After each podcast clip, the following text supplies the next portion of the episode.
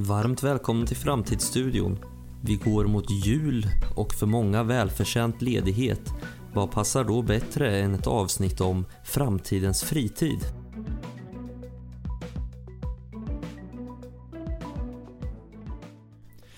Fritid, tiden som är fri att använda till vad vi vill. Vad gör vi med den idag? Vad gör vi med den imorgon? Idag möter vi min kollega Therese Lundqvist som har pratat mycket om fritid i besöksnäringen som levererar sådana tjänster. Och vi kommer förstås också han, han prata om andra aktörer. Men vad är det för kvaliteter vi söker i fritiden? Och hur har det förändrats över tid? Och vad kan man tänka kring automatiseringens effekter, personalization eller as a service-trenden, vad gör den med fritiden framöver? Varmt välkomna till Framtidsstudion. Jag heter Fredrik Thorberger och dagens tema är framtidens fritid. Therese, varmt välkommen till Framtidsstudion. Tack. Berätta vad du gör på din fritid, Therese.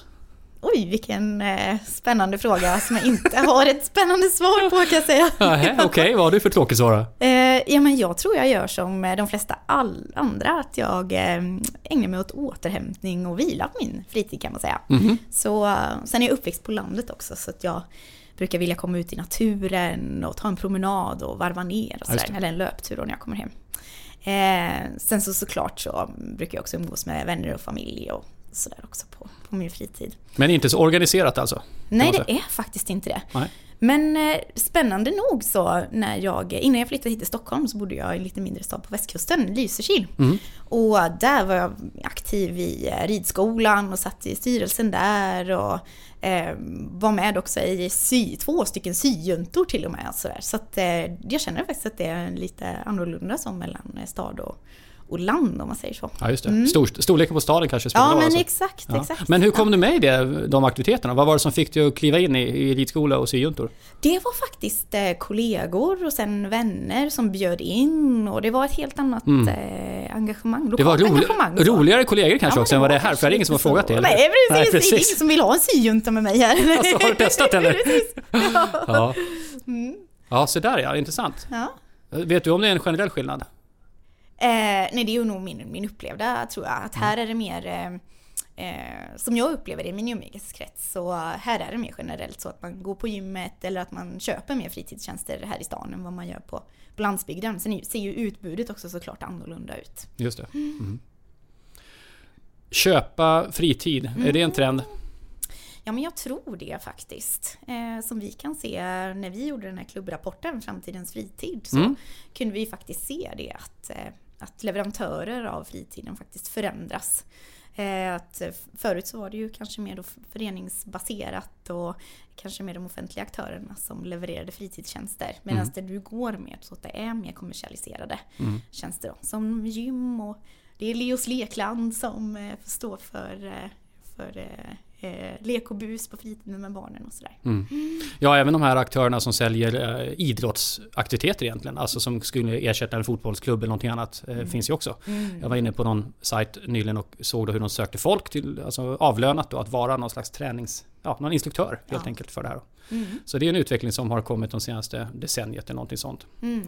Eh, men fritid idag, om vi tar en bred bild, vad, vad, vad är den stora skillnaden med fritid idag och säg 30-40 år tillbaka? Vad, vad är förändringen? Förutom en kommersialisering då som vi nyss har pratat om. Men ja, kan du se andra, andra trender i det som har ja, förändrats? precis. Ja men fritid som begrepp har väl egentligen inte eh, det kom ju till där i industrialiseringen eh, kan man ju säga, eh, då när vi började arbeta mer i fabriker. Tidigare så var ju fritid, det, det fanns ju inte ens utan du jobbade när det behövdes och så vilade du. Om man inte var överklass förstås och kunde sticka ut på en jakt och sådana grejer. Och, och, ja, ja, ja, precis. Och det var väl egentligen där någonstans industrialiseringens tid som fritid blev en lyx kan man väl säga också. Det här med fritidsaktiviteter. Mm. Att man eh, hade möjlighet att lägga pengar på att göra ingenting som, eller eh, som Torsten Webler sa, just det här med som, till exempel rävjakt då, att det var liksom så otroligt eh, eh samhällsoeffektivt. Liksom. Det. det. var bara slöseri med tid mm, egentligen. Mm, då, liksom, då. Um, så det var väl då egentligen som, som fritid blev lite status nästan. Mm. Uh, ja, och det är alltså en effekt av produktivitetsökning kan man säga. Alltså, ja, ja, eh, precis. Mm. Precis, exakt.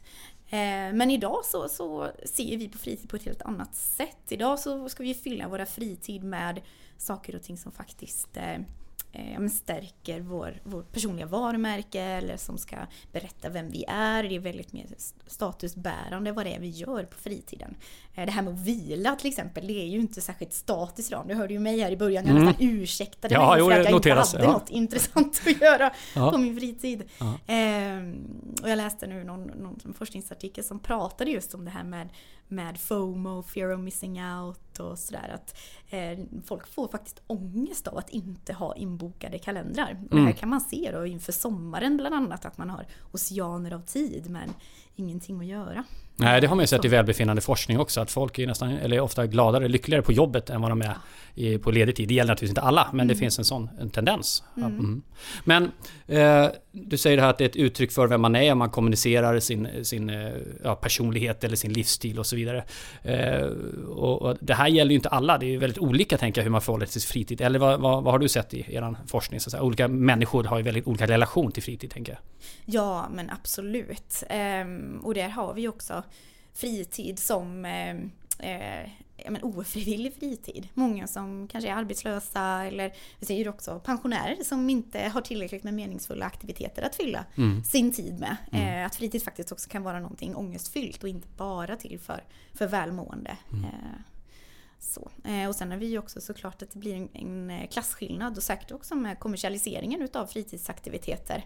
Eh, om det nu ska kosta då helt enkelt hur, tillgången till fritid, hur, hur ser den ut? Ja, just det, vem har Framöver. råd? Vem har råd, ja mm. precis. Mm. Mm. Apropå industrialisering då, produktivitetsökningar. Vi pratar om automatisering, robotisering. Mm. Ingen vet riktigt hur fort det kommer gå. Det finns ju de som för fram idén om att eh, automatiseringen kommer accelerera efter nästa recession. Där vi gjort oss av med folk och istället för att återanställa människor så byter eh, företag eh, system helt enkelt till mer automatiska system. Och till skillnad från tidigare nedgångar så kommer inte människor återanställas i samma utsträckning utan maskinerna kommer tagit över mera då. Och när den nu dyker upp, det vet vi inte. Vi kanske är på väg in nu eller så kommer det dröja. Det är ingen riktigt som kan säga med tydlighet idag. Eh, men vad tänker du? Eh, kommer vi se stora skillnader i tillgång på fritid framöver? Kommer de öka eller kommer det vara som idag? Alltså nu finns det skillnader som du är inne på, om man är pensionär till exempel då, eller man är arbetslös. Ehm, men sen finns det också de som jobbar då så att säga. Men, men med den här automatisering och, och robotisering, kommer vi se ännu större skillnader i tillgång på, på fritid? Vad tror du? Ja, det är ju en väldigt spännande fråga för Eh, rent logiskt så borde det ju vara så om vi kan automatisera mycket av vår arbetstid att vi då kommer att få mer fritid. Men om man då tittar på just vad som skapar välmående så är det ju just att fylla sin tid med aktiviteter. Mm. Så troligtvis så skapar, kommer vi att skapa nya arbetsuppgifter. Just det. Och det är ju också någonting som man har sett i, i studier, bland annat OECD då, som pratar om automatiseringen. De har ju sagt att de har sett att eh, jobben inom tillverkning har ju minskat med 20% till det. Men jobb har tillkommit inom servicesektorn med ungefär 27% mellan 95 och 2015. Mm. Så att jobben kommer att de tror ju också då att 14% eh, av eh, jobben har potential att automatiseras bort globalt av alla. 14%? 14% har de kommit ut med siffror. Eh, och 32% förändras. Alltså mm. att de kommer att förändras ganska kraftigt. 14% är inte särskilt mycket. Nej, det är ju inte det. Det är ju inte alltså det är många människor, det är många människor, men det är inte så stor del av allt. Nej, precis. Nej. Ehm, och den siffran är, är, är ju ganska jag tror den är ganska lågt satt också eh, mm. ifrån det där. Eh, vi har ju också gjort en studie, vi här på Travel and Tourism här på Carriers Future för mm. BFUF och Visita. Vad är BFUF för något? Besöksnäringens forsknings och utvecklingsfond. Mm. Kanske vi får klippa om sen om jag sa fel. Där vi har tittat just på automatiseringen inom hotell och restaurangbranschen. Och där så säger ju stiftelsen för strategisk forskning att ungefär tre av fyra arbetsuppgifter kan automatiseras bort. Just det. Och det ser vi ju redan idag, alltså där man checkar in via appar och man kan beställa mat via en app och betala via en app och så vidare. Men det ser vi också att det tillkommer nya tjänster. Eh, och särskilt då inom service som faktiskt ska göra upplevelsen ännu bättre. Så det är väl där någonstans nyckeln ligger när man tittar på automatiseringen. Att det faktiskt ska göra det lättare för kunden och lättare för oss också mm. eh, i arbetslivet och så vidare. Mm. Så att eh, generellt sett eh, 14% pratar om OECD om på global nivå. Eh, vi har sett tidigare att när vi har produktivitetsökat så har folk fått det bättre, kan konsumera fler tjänster. En anledning förmodligen till att det har ökat med 27% som du sa. Eh, och vi kommer också köpa mer exklusiva tjänster och varor så att säga. Så att eh, hur mycket fritiden egentligen kommer förändras är ganska svårt att sia om. Eh, Farhågan man kan ha i och för sig, det är ju då om, om lägsta nivån på arbetsmarknaden, alltså kompetenskraven, lägsta nivån så för att fungera, att de hela tiden stiger, ja då kommer ju större grupper hamna utanför. Och särskilt om vi ser då mer migration som gör att folk kommer in i språk och kulturområden som de egentligen så säga, ursprungligen inte eh, hör hemma i och därför har svårare att hävda sig på arbetsmarknaden. Så klart, de kan ju få en ofrivillig fritid om vi pratar om det då. Mm. Men jag tänker för resten av samtalet, låt oss hålla oss på fritid som är eh, så att säga, vald eller som är en, en tillgång, inte eh, de som är tvingade till fritid om vi nu kallar det fritid. Eh, vi har ju sett, eh, Sverige har ju länge beskrivits som ett väldigt föreningstätt land där många har lagt förenings, eller fritiden på föreningar bland annat. Och det kan man göra av många olika skäl. Eh, man vill poola resurser till exempel. Vi går samman här så kan vi som förening sköta en tennishall eller vad det nu är för någonting. Eh, men naturligtvis också intressen att det är kul att vara med folk som tycker samma saker är intressanta. Hur ser utvecklingen ut på det sättet i föreningsengagemang i Sverige? Eh, vad, vad är prognosen framöver? Oj, intressant fråga. Um man ser ju eh, statistik från SCB visar ju att eh, ungefär varannan svensk faktiskt är engagerad i ideellt arbete. Men det, det är ju en självskattningsfråga också. Eh, mm. Frågan är ju ställd så. så att, eh, sen är väl viljan också att engagera sig stor skulle jag tro. Mm. Men å andra sidan så ser vi också i våra studier och också ser vi ju på samhället idag att vi har brist på tid och energi. Alltså, mm vi köper gärna tjänster som, som sparar oss tid i våra hektiska vardagsliv. Eh, och det här med att få till engagemang i föreningar och det är ju inte lätt idag. Eh, och det kan vi se både på bostadsrättsföreningar eller i, i eh, sportsammanhang och sådär också. Eh, så det är frågan hur, hur det kommer att forma sig här framöver. Om det kommer att behöva professionaliseras på något sätt och, och Ja, vad menar du med det? Berätta mer. Professionaliseras, vad skulle det kunna vara?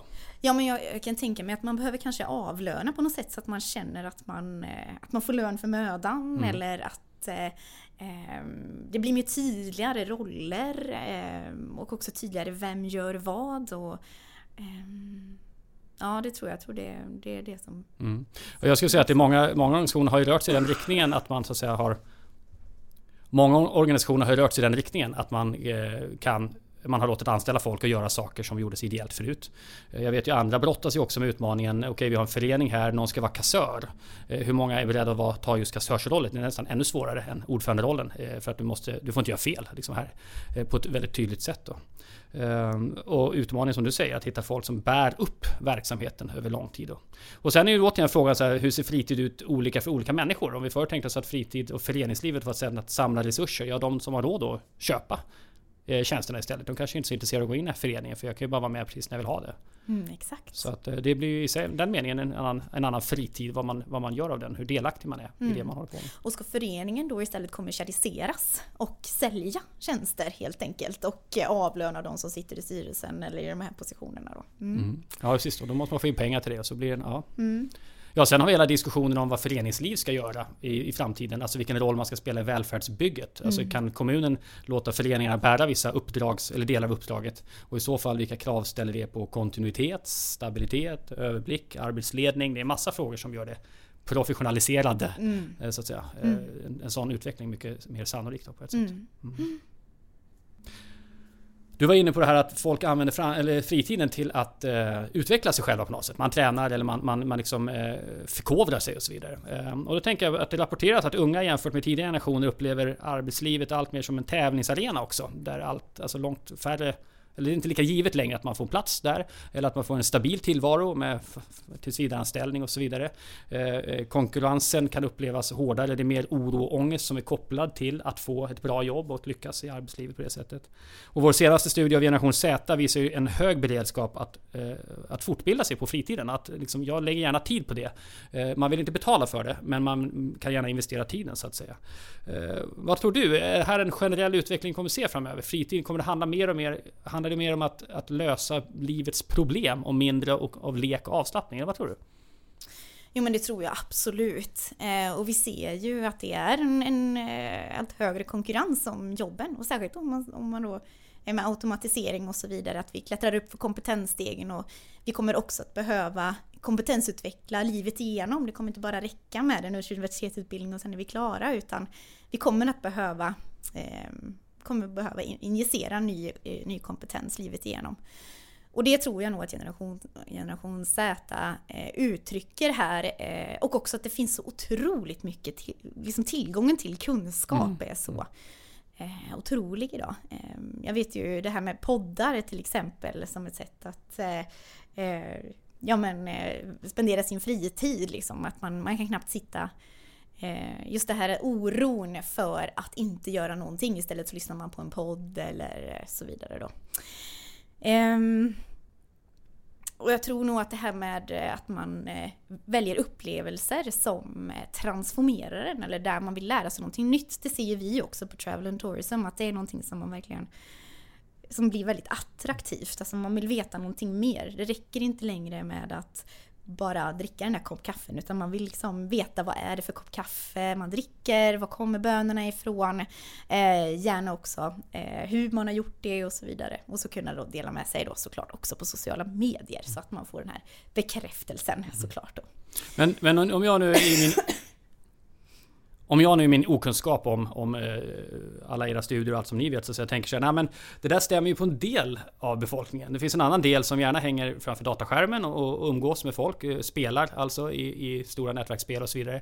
Som har en helt annan relation till fritid än som en kulturupplevelse till exempel, eller som en fortbildning. Även om dataspel i allra högsta grad handlar om att uppleva att man blir bättre. Så att dataspel är så mm. bra på att visa när man blir bättre hela tiden man levlar och får nya skins etc.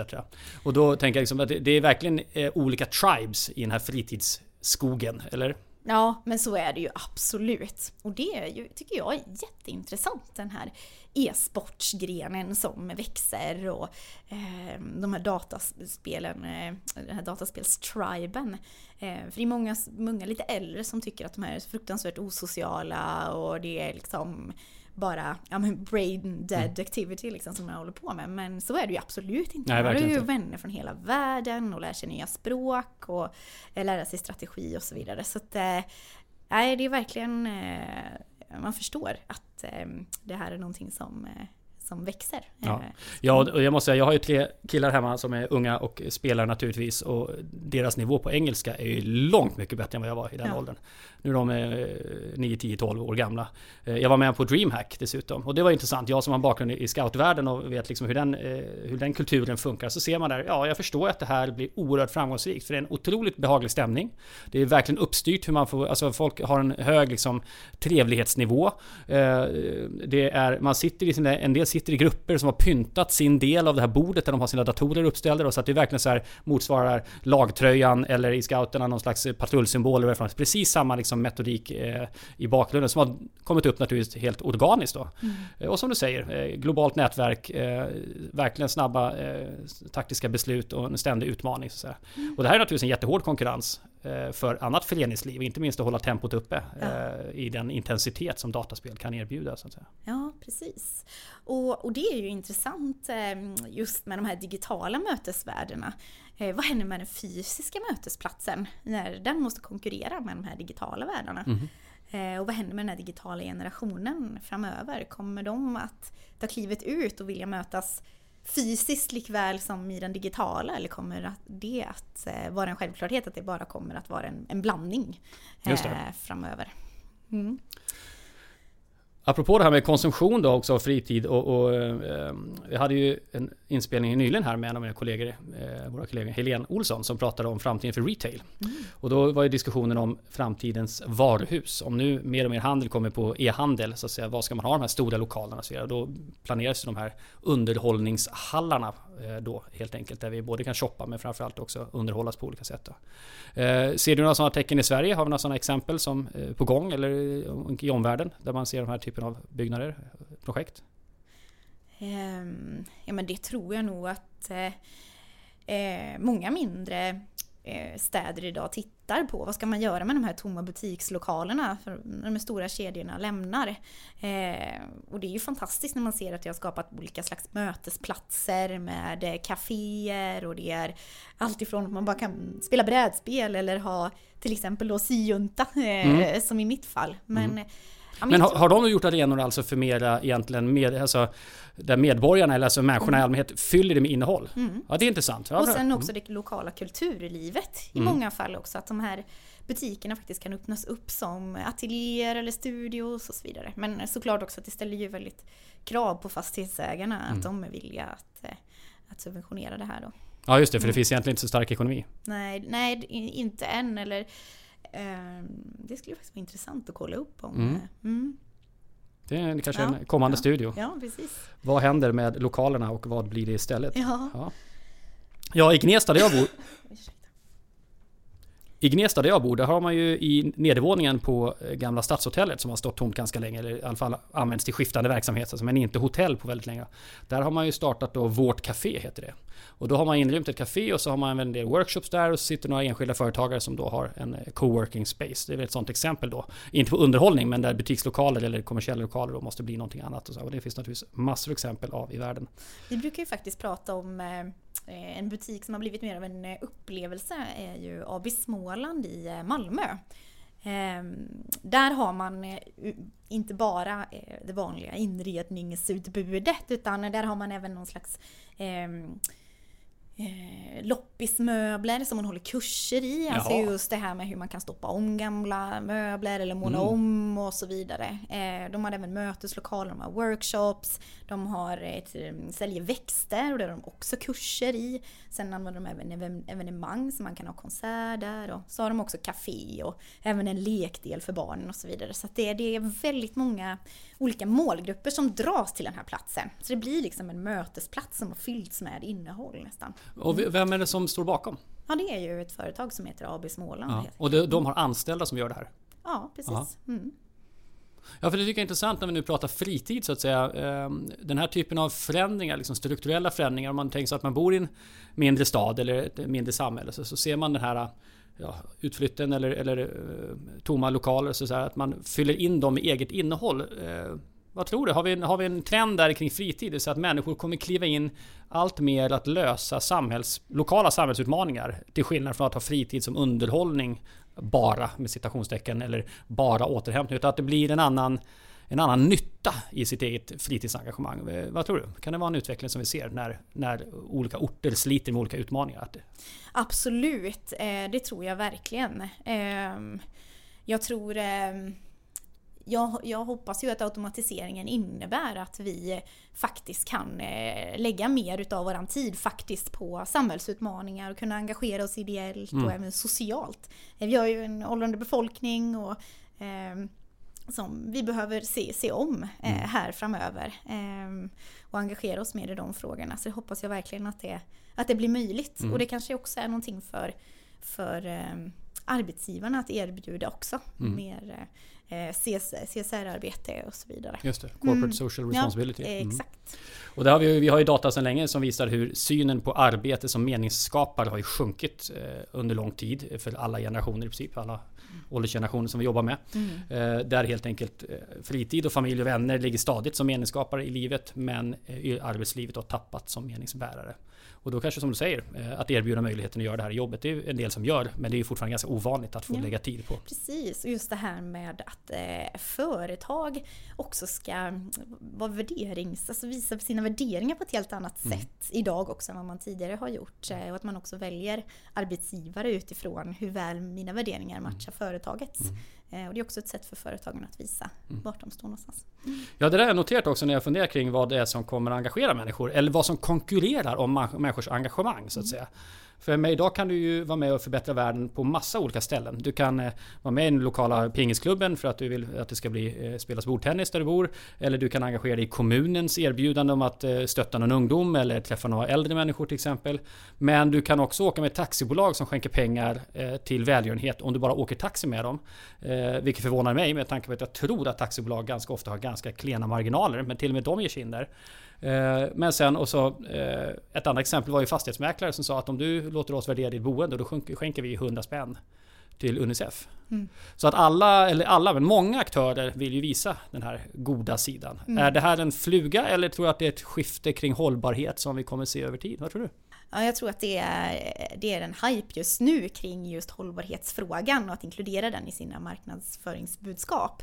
Men eh, jag tror framöver så kommer nog hållbarhet faktiskt bli mer utav en hygienfaktor och någonting man måste jobba med och någonting konsumenterna tar som en självklarhet att företagen eh, jobbar med. Ehm, och att om man inte gör det så blir man svartlistad eller en het potatis i debatten i media. Mm. Ja, kraven stiger. Mm. Men eh, vi är ju inne på temat fritid egentligen. Vi är ute och cyklar hit åt alla möjliga håll med hållbarhet och så vidare. Eh, en personlig fråga, om du ska tänka efter så här. Eh, vad är det bästa fritidsupplevelse du har upplevt? Um, jo men det, det, måste jag ju säga är, jag är ju hästtjej från början mm -hmm. och har haft häst i ett eh, stall som var ett kollektiv. Så mm. eh, vi skötte det ihop och eh, tog hand om hästarna tillsammans och Eh, jag tränar och tävlar och så vidare. Eh, och där kan jag väl känna just det här med att utmanas tillräckligt mycket. Det här när man pratar om eh, flow.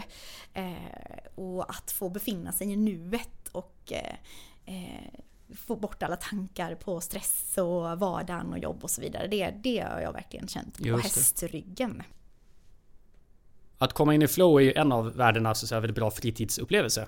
Kan man säga. Eh, men vad finns det för andra kvaliteter som folk letar efter när de är i fritiden? Vi skrev en rapport för ett tag sedan om framtidsfritid. Och jag vet ja, vi tittar men, på det här. Men precis, och då mm. djupdök vi ju i fritidsforskningen. Mm. Och där hade man ju hittat då eh, sex stycken olika betydelser för, eller för fritidsaktiviteterna. Mm. Eh, och det första var just det här med flow och psykologiskt och att man ska känna glädje, deltagande och att man blir utmanad precis sådär lagom mycket. Precis som du beskriver med dataspelandet och så vidare. Eh, sen hittar man också det här med förkovring. Det har vi också pratat om mm. tidigare. Mm. Det här att faktiskt eh, lära sig någonting nytt och vara med om transformativa upplevelser som faktiskt gör en till en bättre version utav sig själv. Och sen har vi det här med det sociala. Att faktiskt få ja men, träffa nya kompisar eller nya vänner i, som har samma intresse som du. Mm. Men också umgås såklart med familj och, och, eh, och vänner. Mm. De två första har vi pratat lite om. Vad tänker du ja. om sociala eh, hur kommer det se ut i framtiden? Vi pratar om dataspel igen, i arenan där man möter människor, någon med bygger relationer. Vi har gå på kaféer naturligtvis, eh, underhållning på olika sätt. Ser du någon annan möjlig utveckling här kring socialt? Just hur kommer vi umgås på fritiden? Ja, den är ju väldigt spännande i och med att vi, vi umgås, om man tittar på den yngre generationen så umgås de ju allt mer på sociala medier. Eh, vi, vi såg någon eh, studie nu från Göteborgs universitet som visar att eh, selfies inte alls är så en narcissistisk handling som man kanske kan tro utan att det faktiskt är ett sätt att bjuda in andra i, i ah. upplevelsen och i sitt vardagsliv. Så det, det är helt enkelt en social aktivitet. Um, så, så den, det, det, är så spännande det där med vad som egentligen är socialt. För jag tror att eh, många lite äldre ser på det digitala som väldigt osocialt. Mm. Men eh, det är det många gånger inte. Nej, verkligen. Nej. Eh, ja, så att, det är väldigt speciellt. Men, och det kan vi ju också se i, i turismbranschen, att just det här att få människor att mötas blir ju allt viktigare. Ehm, och det är också någonting som som vi har sett någonting som verkligen skapar en, den ultimata upplevelsen, att just få lära känna eh, nya människor också. Um, sen har vi också avslappnande, precis som eh, jag var inne på här, att mm. faktiskt få återhämta sig under sin eh, fritid. Mm. Uh, och vi kan ju också se i våra studier att just det här intresset vila och inte göra någonting, det är ju det som har ökat mest sedan 1970 i våran mm. egen Jaha, studie hos svenskarna. Då. Mm. Sen har vi ju en annan parameter och det är ju faktiskt det fysiologiska. Det är många som tränar på sin fritid för att hålla sig i form och eh, men det tror jag också är väldigt mycket kopplat till eh, även till den mentala hälsan faktiskt. Och vi har ju sett nu med Hjärnstark och så vidare mm. eh, med Andreas Hansen där. Eh, att, att det blir allt viktigare att röra på oss för att just vi ska må bra. Och sen har vi den sista och det är estetiskt. Eh, och det är upplevelser som har konstnärliga värden. Mm. Som musik, dans, konst och teater. Och här är just den här underhållningen. Att eh, få vara med om någonting vackert som man nästan får lite rysningar eller mm, goosebumps mm.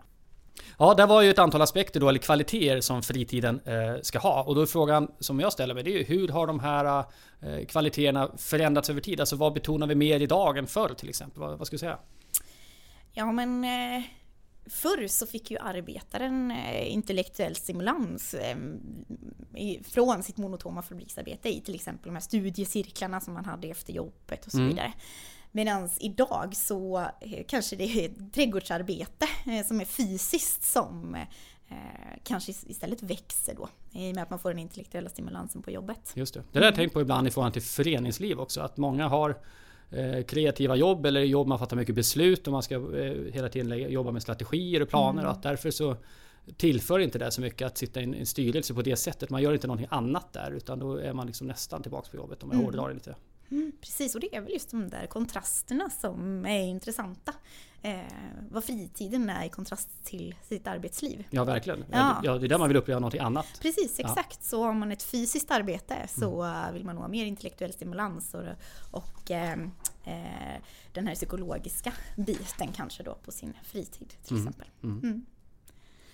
Vad, vad, tror du, vi pratar om eh, automatiseringen som kan förändra arbetslivet om vi får mer eller mindre, eller vi får mer arbetstid, eh, arbets, förlåt, vi får mer fritid har en del gissat då. Vi får se hur det blir med den saken. Men hur tror du automatiseringen kommer påverka eh, vårt faktiska fritid? Liksom, hur vi använder den framöver? Vad har du några tankar om det? Ja, eh, jag tror att eh, det här med att vi har brist på tid och energi, det, den kommer nog fortsätta faktiskt. Att vi gärna vill ha det här friktionsfria vardagslivet där vi har eh, matkassen som hänger på, på dörren och kylskåpet som eh, kanske fyller på sig självt och handlar själv och sådär. Vi ser också de här röststyrda assistenterna som vandrar in nu även i svenskarnas hem. Där vi kan styra kalendrar och få tips på evenemang och, och annat. Mm. Eh, och de kopplas ju samman med enheter som vi använder, eh, så kallade wearables, som våra eh, fitnessklockor eller mobiler och sådär. Eh, så de lär ju nästan känna oss bättre än oss själva. Mm.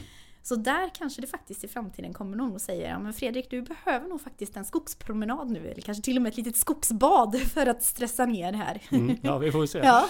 Precis. Och då tänker jag också på självkörande fordon. Det eh, har ju pratats om länge. Det har inte riktigt kommit än. Det har väl varit en liten backlash eh, ett ja. tag. Men att det kommer, det kan vi nog vara rätt säkra på. Hur kommer det påverka tror du vad vi gör med vår fritid? För plötsligt har vi en helt annan räckvidd. Vi kan ju så att säga förflytta oss utan att behöva bry oss om själva förflyttandet. Och vi kan åka precis vart vi vill. Ja och det är ju många utav de här biltillverkarna som faktiskt pratar om att eh, det nu handlar om entertainment i bilarna mm. helt plötsligt. Mm. Ehm, jag vet, jag såg ehm, från någon biltillverkare här som pratade om hur man skulle kunna göra optimala möten i bilen. Ehm, och också det här med att man faktiskt kan sova.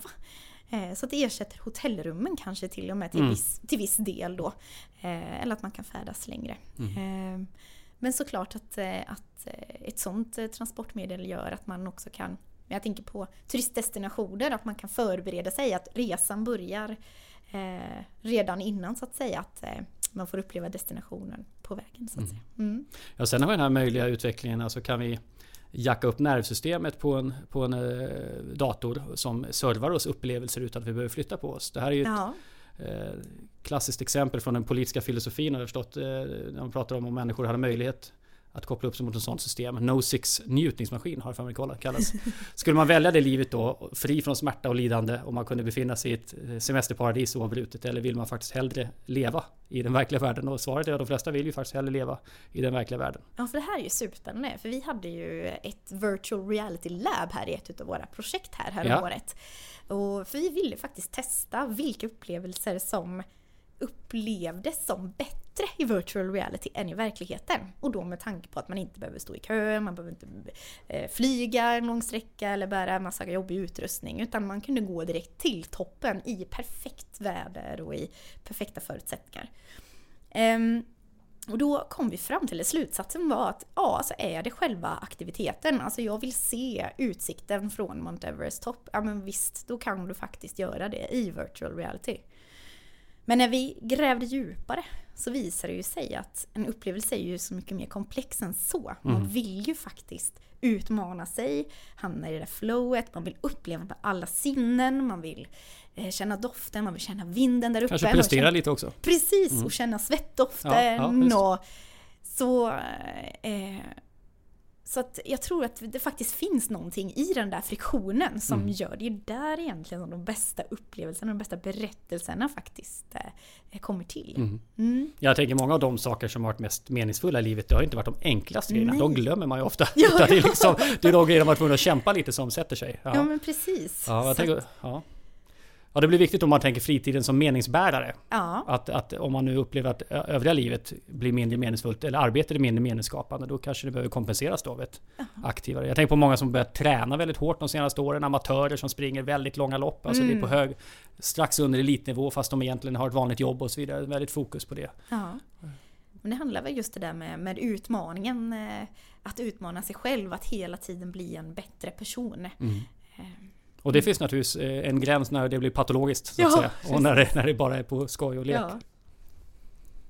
Ja men låt oss komma tillbaka till automatiseringen. För en sak som eh, vårt digitala liv gör är att den skapar en massa användardata av oss själva hela tiden, av det vi gör och utifrån den kan Google och andra giganter och våra, eh, de som ger oss service, de kan avläsa vad det är för något vi tycker är intressant och så vidare. Vad tror du om automatiseringen när det gäller personalization helt enkelt av fritiden? Vad, vad har vi för framtid där? Jo men det, det tror jag absolut att vi kommer att se en, eh, en allt mer individualiserad eller individualiserade förslag från våra olika eh, mm, eh, ja, men, Digitala assisten- enheter, liksom. Ja men Ja, så digitala assistenter som Ja. Mm. vi nu eh, får. Eh, som vi pratar med eh, Siri eller Google Assistent eller Alexa eller vad de nu heter. Ehm, men det är också intressant ur den aspekten att om vi alltid kommer att få de förslag som är bäst för oss själva eh, och kanske också utsätter oss för allt mindre risk. eh, Så är ju frågan, eh, vi kommer ju fortsätta att söka äventyret och sök som, ni, som vi pratade om här precis, den här utmaningen och flowet. Och hur kalibrerar man det? Det blir en intressant fråga. Och kommer man att göra lite, här, lite revolt mot de här digitala assistenterna? Och jag vill visst eh, gå upp på Mount Everest, även fast jag vet att eh, riskerna är alldeles för, för höga. Det kommer säkert något väldigt omfattande sådana användaravtal som du kan välja att accepta och inte som Ja. friskriver alla, alla liksom ansvar för dem. Så att Ja, man kan, sen ställer man in i reglaget risktagande exakt. Ja. nolla till 10. Ja men precis. Ja, vi får Ja. se.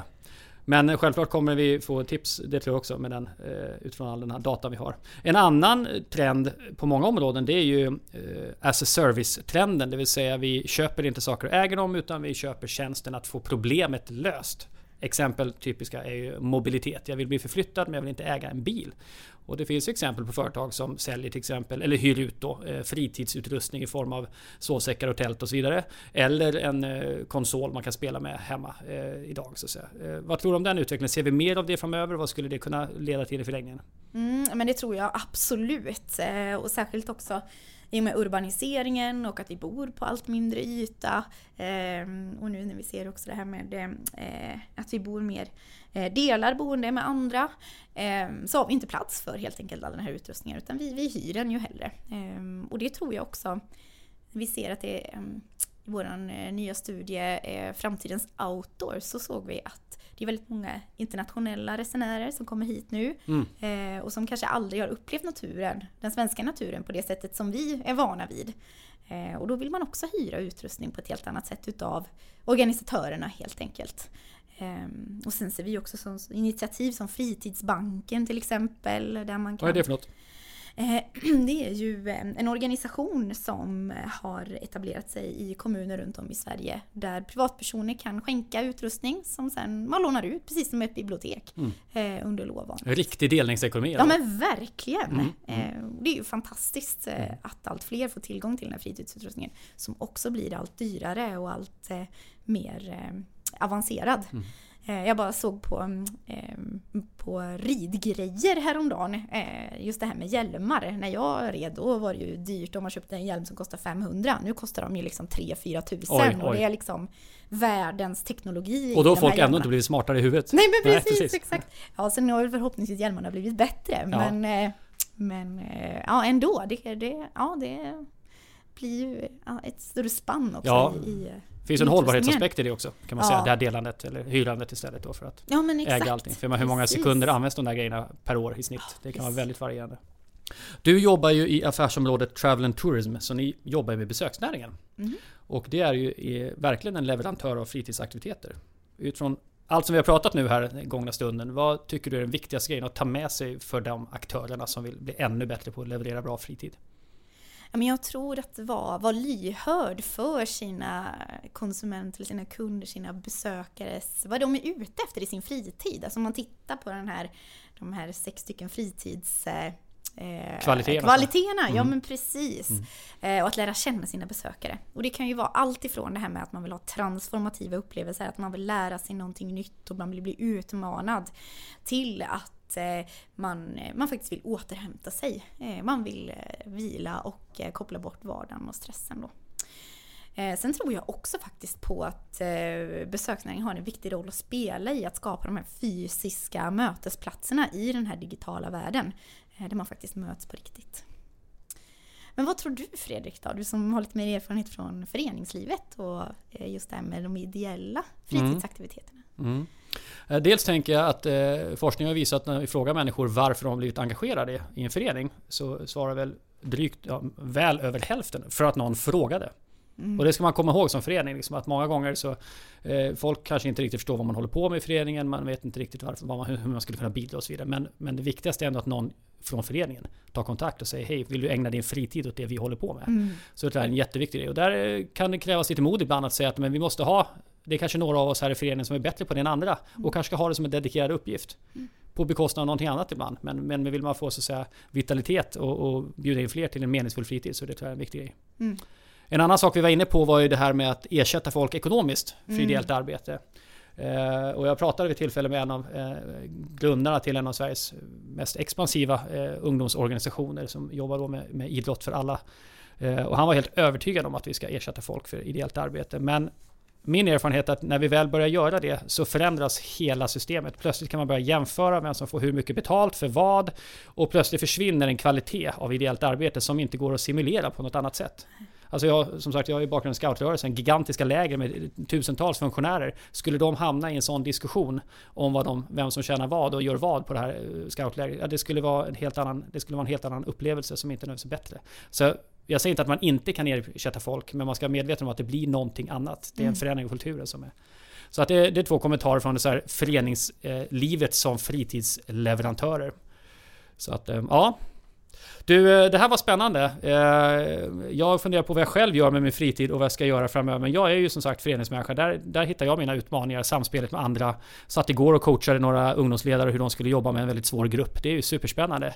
Eh, men visst kan man längta ibland till ren konsumtion bara för att glida in på någon behagligt ställe och njuta av värme och sol och god mat och vad det nu kan vara för någonting som man letar efter. Du Therese, jättetack för att du kom hit till Framtidsstudion och på återhörande. Ja, tack.